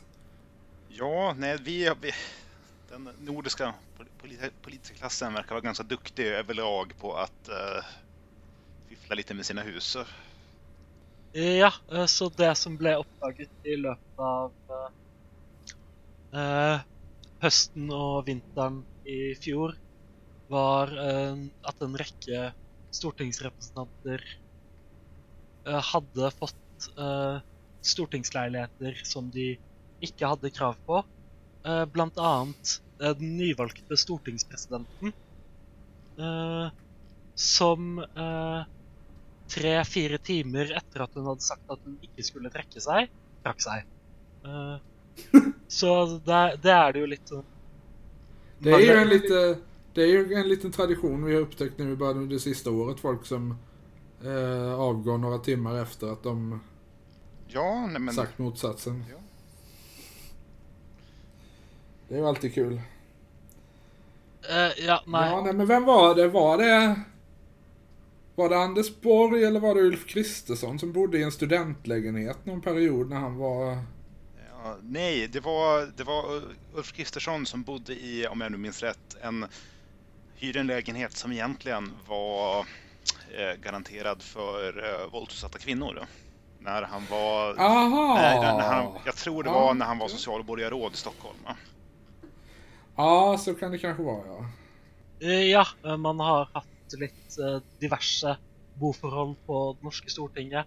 Lederen for KrF Eh, bodde offisielt uh, hjemme hos foreldrene sine. Eh, samtidig, samtidig, som han eide en bolig 20 minutter utenfor Oslo sentrum. Eller altså 20 minutter med bil, sikkert sånn 10 minutter med tog. Vilken ledare, alltså var det här, nu får du ursäkta mitt otroligt kassa norska uttal, men var det här Olaug Bollestad? Uh, nej, uh, han som var ledare för Olaug Bollestad. Okay. Olaug Bollestad blev ledare efter denna saken. Det var Kjell Ingolf Rapstad. Jaha, ja, ja, ja, men såklart. Ja. Mm. ja. Uh, han var inte ledare speciellt länge, så det är inte så rart att du inte huskar honom. Ja, nej, jag, jag, jag, jag hann bli imponerad när jag, alltså jag såg men att en... Det, var en imponerande lögn att komma undan med för en kvinna i övre medelåldern att hon bor hemma hos mamma och pappa. Ehm, men eh, ja, nej, men då, nu, nu är jag med. Tack. Fast jag, jag för mig, alltså nu när du nämner det här med att officiellt eh, bodde hemma hos sina föräldrar. Gjorde inte Annie Lööf det under någon period också? Eller är det bara jag som... Ja, det kan hon ha gjort, men hon var ju... Hon var väl jag kommer ihåg alltså, att det hon... var någon grej kring att hon, att hon officiellt bodde i Värnamo väldigt länge. Ja, Samtidigt det, som det, hon... det är mer än vad jag minns faktiskt. Ja, men det är ju, det är ju också väldigt vanligt att man gör på det sättet. Jo. Eh, men ja, var var jag? Eh, jo, eh, KrF-ledaren som... Ja. Eh, ja, så, just det. Eh, så uh, hela den uh, eh, startet med KrF-lederen, men det endte opp med å gå uh, hardest utover uh, Arbeiderpartiet, fordi at som sagt uh, den nye stortingspresidenten var også en av de som hadde fått uh, leilighet hun ikke hadde krav på. Og trakk seg vel først etter at saken ble politianmeldt. Så eh, allerede fra starten av så har regjeringen hatt et lite problem med at eh, velgerne er ikke spesielt glad i politikere for tiden. Det er jo for så vidt eh, fornuftige ting å mislike eh, veldig ofte. Ja, eh, som vi har kunnat konstatera här de sista minuterna så är det ju så är ju inte det här precis något ovanligt att de uh, beter sig på det här sättet. Ja, uh, och uh, ett eller två år före valget hade man i Norge en liknande sak med eh, reiseregninger hvor de hadde fått Stortinget till att täcka reise eh, för eh, väldigt mycket som på ingen måte kan kalles eh, jobbrelatert. Eh, det var vel en Frp-politiker som hadde fått Som hadde tatt eh, fly hjem for å dra i bursdagen til moren på Stortingets regning. Mm. Ja, Var det inte en grej med han Per Sandberg? Att han, att han pendlade, eller att han eh, veckopendlade oerhört långt. Jeg vet jeg kan huske er det, det men eh, Det är väl kanske i och för sig inte något av det mer eh, märkvärdiga han har gjort under sin politiska karriär, men... eh, ne- Nei, nei. eh, altså, vi kunne sikkert eh, Vi det är kunne en- sikkert en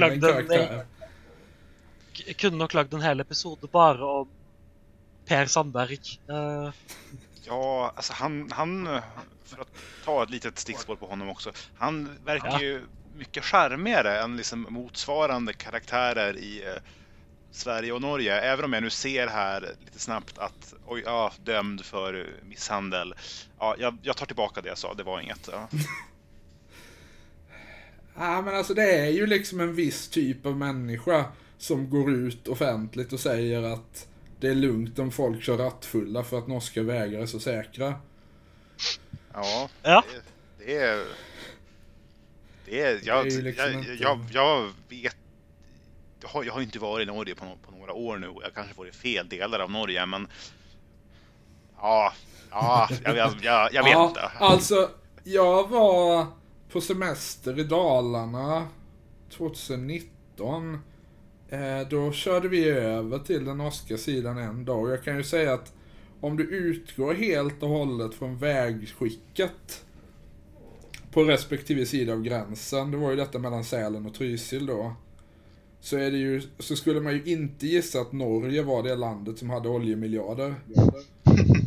Nej, jag har haft lite samma känsla i Nordland Ja. och Tromsö. Ja, ja, nå nå, nå er vel ingen av stedene dere nevner de stedene som får mest eh, eh, infrastrukturinvesteringer i Norge. Eh, nej, Vägen- det är väl kanske eh, så. eh, veiene rundt Oslo er veldig fine. Ja, men det kan jag tänka mig. Ja, eh, men det er det sikkert eh, i Stockholmsområdet òg. Ja, och döma av hur många som fortfarande kör bil trots trängselskatterna så kan man väl tänka sig det. Eh, men ja eh, Nu, alltså för att eh, bara avbryta här igen. Trots både min och Max nu ganska elaka påhopp på norska vägar så norrmännen kör ihjäl sig mindre per capita än vad svenskarna gör. Så det kanske ligger Aha, någonting i okej, det han ja. säger. Det är kanske inte omöjligt då, nej. Eh, ja, eh, men altså, det er ikke kun eh, på, på. Eh, per Sandberg er eh, stor fan av eh, alkohol. Han har også gått på ta talerstolen i Stortinget uh, synlig beruset. Men det, oh, det, den det, gamla det, klassiska Jeltsin-stycket. Ja. Ja, eh, eh, Ja, men vad var vi nu? Jo, vi var egentlig I på nuläget. Vi, det är lätt att bli distraherad när man börjar prata om, om Per Sandberg. Eh, jo, vi, vi snakket jo egentlig om altså eh, eh, Fallende tillit til politikere og skandaler og sånn. Men kan vi ta én Per Sandberg-historie til? det kan vi. Varför inte? Ja. Jo, eh, for det at i 2018 eh, så dro Per Sandberg på ferie eh, sammen med sin eh, 30 år yngre kjæreste. Ja, just det ja. Ja, det, men det här, det här kommer jag ihåg. Åh, här, det här är så bra historia. Det här är en så jävla sjuk historia. Eh, jo, eh, hun er opprinnelig fra Iran. Eh, de dro til Iran. Eh, eh, dette var ikke veldig populært i Fremskrittspartiet, eh, siden de eneste Altså, de eneste innvandrerne eh, og barn av innvandrere som Fremskrittspartiet liker, er Iranier. eh, iranerne som eh, Exiliranier. ek Eksiliranerne som enten selv kjente sjahen, eller hade föräldrar som var goda vänner av shahen. Ja, nej, men det är ju ett kul, det, det, det, det är ett roligt gäng om inte annat. Ja. Ja, ja. Eh, Så, eh, så eh, Fremskrittspartiet eh, Mazyar Keshvari fra Fremskrittspartiet var eh, eh, rasende i media over denne turen og eh, mente at altså, Per Sandberg måtte altså, eh, trekke seg eh, fra alle verv umiddelbart. Eh, men altså Saken blir jo selvfølgelig verre for Per Sandberg eh, etter hvert. Eh, han var på det tidspunktet fiskeriminister. Jajamän. som eh, Det er den andre næringen vi har i Norge etter olje, Ja. så det har en egen minister. Kjæresten hans drev med Det är sånt som export kommer ur av- vattnet från minister i Norge. Ja, han, kjæresten hans drev med eksport av fisk. Eh, så det er, det er mye som tyder på at de, de brukte denne ferien på at han skulle bruke sin eh, posisjon som minister på å hjelpe hennes eh, selskap. Eh, han glemte å informere eh, statsministeren om at han reiste til Iran. Det er visse, det er visse sikkerhetsregler som gjelder når medlem av regjeringen reiser til Iran. Eh, blant annet skal du ikke, eh, som eh, Per Sandberg gjorde, eh, ta med deg jobbtelefonen din, eh, sånn at iransk etterretning kan overvåke deg. Ja, alltså när man tänker liksom, ja, men koppling mellan eh, Fremskrittspartiets politiker och uh, tvivelaktiga iranska grupperingar, då är det ju inte... Alltså, det, det är sällan man tänker ja, men, den Islamiska republiken. Man tänker väl mer någon kul exilgrupp som ja, Ja, ja, men har spännande Ja. åsikter om demokrati och så vidare. Mm. Färska perspektiv på, på det med politiska styrelseformer. Ja. Nej, nej men så, så det, det tycker jag väl ändå är skönt att han går före nu eh, liksom, i den europeiska högern och visar att vi måste acceptera vad som alltså, ac- acceptera faktum och att vi kan inte bara mysa med gamla shah-anhängare. Det är dags att börja mysa med ayatollan istället. mm, Det var trots allt över 40 år sedan. Ja, ja. Eh, apropos eh, over 70 år siden.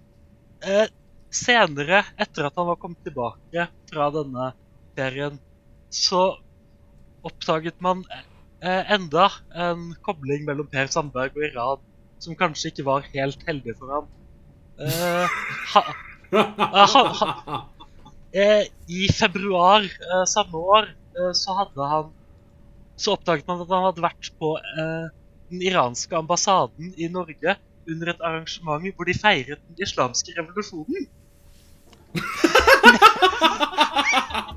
Ja, detta är alltså ehm, samma parti som eh, typ 20 år innan detta, eh, precis innan valet, eh, försökte driva fram någon sorts konspiration om att muslimer eh, är, håller på att försöka ta över Norge. alltså, Eh, ja, jag menar alltså till hans försvar var, alltså, var det något specifikt? Att det var, alltså, de kan ju ha specificerat att det var sunnimuslimer, att shia-muslimerna är de okej med. De har väldigt starka eh, åsikter kring eh, kalifsuccessionen. Ja, nej men alltså den, eh, jag har i och för sig inte läst Fremskrittspartiets program. Jag kommer nog inte göra det heller tror jag, men alltså, det kanske står någonting där om uh, den, den gömda imamen, eller vad, hur man säger på svenska. Ja, just det. Ja, nej men jag, jag, jag, jag man, man hör så mycket om liksom eh, samröre mellan uh, vänstern och uh, ja, men, diverse mer eller mindre tvivelaktiga islamistiska grupperingar. Jag tycker det är skönt att högern drar sitt strå till stacken. Oh ja. Um, Så om vi ska... Uh, Om vi ska försöka knyta ihop säcken här uh, vad gäller situationen i Norge. Hur, Uh, alltså hur, hur ser det ut för, för regeringen i nuläget? Uh, vel uh, Regjeringen har uh, Regjeringen mister for tiden velgere mot både høyre og venstre. det er jo ikke et umiddelbart problem for det, siden Alltså det är ju tre år till val. Ja, de, Eller tre och ett halvt år. Ja, de sitter uansett till uh, 2025. Ja, och Norge är ju unikt bland de nordiska länderna så tillvida att det inte bara är ovanligt att ha eh, extraval utan rent av eh, förbjudet i grundlagen. Ja, det är... Det finns ingen mekanism för det. Uh, selv, uh, selv ikke uh, under Altså Ja, nej, man har ingen altså sånn uh, eh, Krisefullmakt eh, eller noe som helst som tillater det. Eh, så sånn sett så har de ikke et problem. Det som derimot er et problem for dem, er at eh, SV og Rødt har begge vokst enormt siden valget. Særlig Rødt, som nå er på bare noen måneder omtrent dobbelt så store som de var Eh, til valget. Uh, som, som, vil si at altså, venstresiden uh, har altså har sannsynligvis også større handlingsrom til å presse de i fremtidige forhandlinger. neste års statsbudsjett, f.eks., vil de nok møte ganske ganske mye hardere krav fra SV enn det de gjorde neste års statsbudsjett. Det er jo for så vidt dette året, men dere skjønner hva jeg mener. Förhoppningsvis. Ja, ja. just det. Så de, de vill ja, jag, skulle... eh, jag råkade skriva eh, på en, eh, en, en kursuppgift tidigare idag råkade jag skriva 2021 i, eh, i eh, datum fältet. Så att jag Ja. heller inte riktigt vant mig vid att... Nej. Jag, jag, jag lever fortfarande i 2019 så det... Jag, Ja, just det. jag ser ingen anledning alls att komma ikapp. Nej, det är bara skit som har hänt sedan dess. Eh, I så eh, Ja, Så det är, alltså, vi, kan, vi kan ju se fram emot ett, ett hårdare vänstertryck på regeringen då.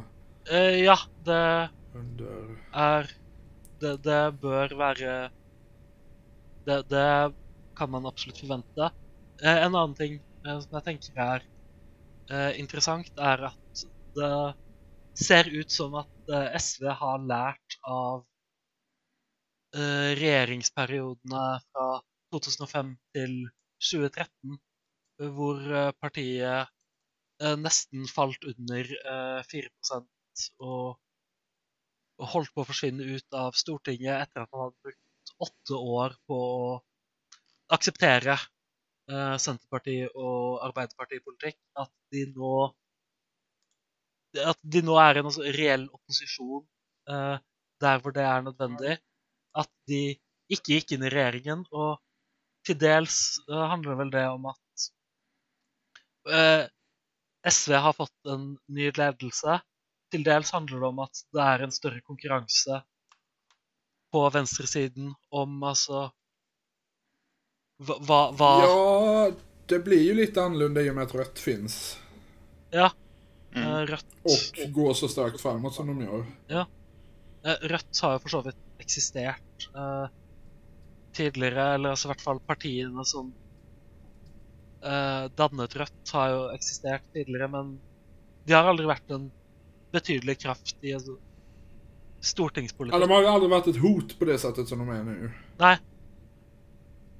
Eh, si, siden vi har gått gjennom altså uh, vens, eh, ven, svensk venstresidets historie, så kan vi vel ta en kjapp eh, oppsummering av hvordan de norske venstresidepartiene oppsto. Eh, så for Rødt uh, Forgjengeren til Rødt, eh, Arbeidernes kommunistiske parti, marxist-leninistene, eh, startet som ungdomsorganisasjonen til Sosialistisk Folkeparti. Eh, Sosialistisk Ungdomsforbund. Eh, som så brøt med Sosialistisk Folkeparti fordi at eh, ungdomsorganisasjonen syntes at kulturrevolusjonen var veldig kult. Ja. Som man gör det. Så- Ja, så klart. Eh, Så da dannet de eh, AKP ML, som etter hvert eh, ble til eh, Som et, da etter hvert ble til eh, Rødt. Mens eh, Sosialistisk Folkeparti er forgjengeren til SV, som eh, slo seg sammen med noen mindre trotskistiske organisasjoner og Tito-fløyen i Norges kommunistiske parti på 70-tallet. Vänta, vänta, Ja! vänta, vä- vänta nu. Har eh, NKP, säger man så, eh, har Norska kommunistpartiet haft en Tito-sektion? Det här- Nu blir jag jätteglad. Det här... eh, Eh, ja, eh, Jajamän! så eh, Sosialistisk Folkeparti startet da som altså fraksjonen i Arbeiderpartiet som var mot eh, Nato. Så da, de slo seg da sammen med fraksjonen i NKP som var mot Warszawapakten, og dannet da altså Ja, nej men det... slags det, tre, det tredje Ja, då är väl Tito en rimlig kompromiss, höll på att säga. Ja, Ja. Det gick ju faktiskt ganska bra för Jugoslavien där ett tag, fram tills det inte gjorde det längre. nej, och så, vad, vad mer kan man begära av ett land? Ja, Ja, ja, ja, ja, kanske någon sorts liberal demokrati kan man väl begära, men ja. Jo da, eh, noen politiske rettigheter kan jo være ja, jo, ja, men nu, nu tycker jag vi är inne och petar på små detaljer här. Jo ja. Eh, men eh, ja. Ja, nej. En siste ting jeg syns er litt gøy med altså historien til eh, norske venstresidepartier. Eh, NKP, eh, Norges kommunistiske parti, eh, brøt ut fra Arbeiderpartiet i, på 1920-tallet, når Arbeiderpartiet gikk ut av eh, Komintern. Ja, just det, för de var med där ett, en Ja. kort period, ja. Eh, ja, eh, tre-fire år eller noe. Så tre år før hadde høyresiden av Arbeiderpartiet brutt med partiet når de gikk inn i Komintern. Så til valget, i, nitt- ja. så til valget i 1927 da hadde man tre ulike eh, fløyer i, av Arbeiderpartiet i tre ulike partier. Men det, det, här, det här är, är ett respektabelt antal splittringar för... eh, Ja. Alltså, ja, Och- alltså, möjligen att fransmännen hade- kommit fram till fler i Ja. det här laget, men jag tror Norge god andra plats eh, för 20-talet. Ja. Men når eh, NKP eh, forlot Arbeiderpartiet, og dette er definitivt Og dette er den delen jeg særlig ville snakke om med NKP, eh, så meldte lokallaget i Bergen seg eh, kollektivt ut Eller lokallaget brøt med partiet, men beholdt navnet Bergen Arbeiderparti. Så Bergen Arbeiderparti er NKP i Bergen, mens Arbeiderpartiet i Bergen er Arbeiderpartiet. Fortfarande? Ja, fremdeles. Åh, De bruker fremdeles navnet. Det här är ju, ja. Eh, 100 år, eh, 100 år senere bruker de fremdeles eh, Bergen Arbeiderparti. Kun, for, kun fordi de Bara kan. för att de kan. Ja, for Ja, det, Det, är- eh, det, det är helt rätt. Det måste man ändå respektera, ja. Jo, jo. Ja, For det, altså, det, er- det, det er ingen grunn til Altså, NKP er ikke en relevant politisk kraft i dagens Norge. Den eneste de var Eh, Jeg må nesten dobbeltsjekke. eh, Men altså, en kort periode etter krigen eh, så hadde de altså en viss støtte basert på altså de kom den kommunistiske motstandsbevegelsen mot Mm. okkupasjonen. Så i, Just nitt- det. ja, så i 1945 fikk de 12% og de lå på en rundt 5% i et par valg etter det. I, i 1973 så fikk de altså 11 eh, som en del av Socialistisk Sosialistisk valgallianse, som da var et samarbeid mellom NKP og Sosialistisk Folkeparti, som opprinnelig var ideen at det skulle eh, ende opp med en sammenslåing av partiene, men eh, NKP ombestemte seg, og det endte opp med at som sagt, kun Tito-fløyen av NKP gikk inn i Sosialistisk Folkeparti i stedet for at man slo sammen partiene. Og etter Ja, det, just det, var det som blev SV sen. og etter det så har, har man ikke hørt særlig fra. Nej. Jeg tror, jeg tror de fremdeles finnes, eh, så vidt. Ja, eh, de eh, Ja. fikk 300 stemmer i stortingsvalget. Ja, Ja, ja, men då är de ju ungefär eh, unge- nästan jämnt med den svenska La Roche-rörelsen. ja. El- Eller den svenska kommuniströrelsen för den delen. Ja, jag vet Nästan, inte va? riktigt var de låg nu. Men, Men- Ja, ja li, lite högre, men jag har, lovat, jag har blivit lovad att, att, att prata om det, om det i ett senare avsnitt. Så jag, jag ska inte ge mig in där. det är sant, det är sant. Ja, SKP Men- fick 702 röster sista valet. Det är Ja. 500 mer än jag trodde. Det er vel Ja, ok, men det er vel omtrent eh, det samme prosentvis med tanke på Ja, forskjell i ja, folketall. det, det borde det vara. Ja, det är det väl ungefär. Enligt Valmyndighetens hemsida så är det 0,01 procent. Ja. Ja. Sen så får man komma ihåg att SKP i Sverige är inte samma parti som en NKP i Norge. Eh, Men det, Nej! Men, men, men, jag har... Jag, nu, Det här nu släpper jag är... det, nu släpper det här, för annars kommer Det här jag- är en jävla just djungel, ja. Ja, Eh, ska vi försöka, jag kan... Eh, jag känner att vi börjar att gå... Vi har gått, eh, vi har malt på ett tag här nu så att... Jag har, hade en grej förberedd men jag vet inte om vi ska vänta med den egentligen för vi har redan nästan två timmar ja det, det inspelat. kanskje. Så att Og for, om vi nu ska göra det här med någon regelbundenhet så får vi kanske... men eh, jeg kom på én ting til eh, som jeg Ja. nesten må si om stortingsvalget. Eh, det kom et eh, nytt politisk parti inn på Stortinget for første gang. Ja, just det. Allt. Ja. Eh, Det här eh, patientfokus. Ja, eh, Pasientfokus. Et eh, ensaksparti som ønsker et sykehus i Alta. Eh, Alta er en by med 20 000 innbyggere i, i Finnmark. Eh, så altså eh, Alta er relativt stort til Finnmark å være, så eh, Et ensaksparti for et sykehus i Alta var da altså nok til å få ett av mandatene eh, til Finnmark. Eh, en, peri en kort periode eh, så så det ut som om Pasientfokus kanskje kunne ende opp med å kunne bestemme hvem som dannet regjering, men eh, det ble relativt fort eh, klart at eh, det var flertall for altså Eller det var mulig å danne et budsjettflertall med den løsningen hadde uten Pasientfokus. Så de har ikke nå noe forhandlingsmakt. Eh, De har ikke noe pressmiddel. Jeg er litt usikker Nei. på hva Jeg er litt usikker på hva hun ene representanten fra Pasientfokus skal gjøre fram til neste valg på Stortinget. Nej, För att men det är ju lite... de- det här de är har- ju... De har ikke noe politikk på alt det annan andre. Stortinget vedtar. Nej, men jag, jag tycker det är väldigt charmigt att de fick en... en Men det här, eh, det här är ju... Det här är ju relaterat till den, eh, eh, den unikt svenska gamla ogrästraditionen som kallas sjukvårdspartier. Ja, nej, som jag har ganska dålig erfarenhet med själv. Både politiskt och på ett personligt plan, men det är en anekdot för en annan gång. Men, Ja. men jag tycker i Det alla fall... är, det är definitivt men- en, en företeelse som Ja, men, vi kan återkomma till. men, men jag tycker i alla fall det är charmigt att eh, 5000 pers i, i norra Nordnorge lyckades skaffa, skaffa sig fram en egen eh, parlamentariker.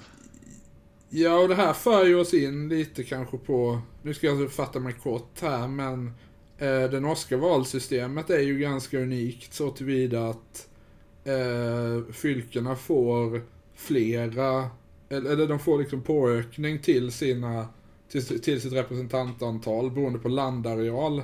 Ja. Så att Finnmark är ju ganska kraftigt överrepresenterat mot vad deras befolkning skulle motsvara. Eh, ja. eh, Jag tror de skulle ha typ tre mandat egentligen, men de har fem. Ja, eh, och som, som, som demokrat kanske man kan tycka att det inte är så bra, men som eh, norrländskt alibi och eh, uppvuxen i svenska Finnmark eh, så tycker jag att det här är jättebra och eh, vi borde, borde också införa det. Just det. Ja, vi hade ju... Under en period här fanns det ju en regel i Sverige att alla valkretsar skulle ha minst tre mandat oavsett befolkning. Vilket innebar att Gotland fick eh, fler mandat än vad de var berättigade till. Men ja, det försvann. Det, det stödjer jag inte. Gotlänningarna röst, röstar sällan rätt. Men... Eh... Fast det är ju faktiskt väldigt intressant för där har de ju gjort eh, någon lokal opinionsmätning nu ganska nyligen som visar att det är, håller på att svänga enormt på Gotland. Det är spännande. Så jag, jag vet inte vad som kan ligga bakom det. Men eh, ja, så det var väl våran eh, någorlunda genomgång om, över vad som har hänt i, eh, i Sverige och Norge med en liten avstickare till Finland under det, de veckor slash årtionden som har gått. Ja. Veckor då årtionden inträffar och årtionden då veckor inträffar. Precis. Så kan vi säkert snacka om Danmark och Island en annan gång. Ja, Eh, det pågår säkert grejer där också. De har ju en, I Danmark har de ju en minister som har blivit åtalad nu. Ja. De gillar ju att åtala sina ministrar i Danmark. Ja, ett sympatiskt drag skulle jag ju ändå säga. Ja, på någon, eh, på något sätt ändå. Framförallt hon som blev förra gången. Ja, uh, Stöberg. Ja, så ja. var det inte ja. Som hade skilt barn från sina föräldrar när det var mot reglerna. Nu var det ju inte riktigt, nu är det ju inte riktigt samma grej som han som står inför, kommer stå inför skranket nu. Det var väl att han eh, avslöjade att de hade något samarbete med USA som alla visste att de hade. Eh, ja, han eh, uh, avslöjade väl att uh, bland annat det som har fått mest uppmärksamhet i Norge i alla fall är att han avslöjade att Danmark hade övervakat norska politiker på vägnar av USA. Som alltså det är inte en väldigt spännande avslöring. Jag räknar med att USA övervakar, övervakar alla politiker direkt också, så hvorvidt Danmark hjälper, ja, det är inte så viktigt. Det är väl ungefär så. Eh, och likadant så är det ju ett känt fenomen, åtminstone bland liksom svenska eh, säkerhetstjänster och så vidare, att de vill absolut ingenting hellre än att vara sina motsvarigheter i USA. Men det är också en, eh, ett ämne vi kommer att återkomma till i den här podden. Det är jag ganska säker på. Så är det nog. Ja. Men eh, ska vi eh, tacka för oss då helt enkelt? Ja. Ja, nej men det... För denna gången. Jag. Jag hade tänkt ut en liten avslutning jag skulle dra, men jag har redan, redan dragit, dragit så många skämt att de kommer få folk att tro att jag är stalinist på riktigt. Så jag tänker hoppa det. I alla fall den här gången. Ja, då... Uh... Ja, då säger vi på återseende till våra lyssnare helt enkelt. Ja. Och eh, tack för att ni stod ut med oss.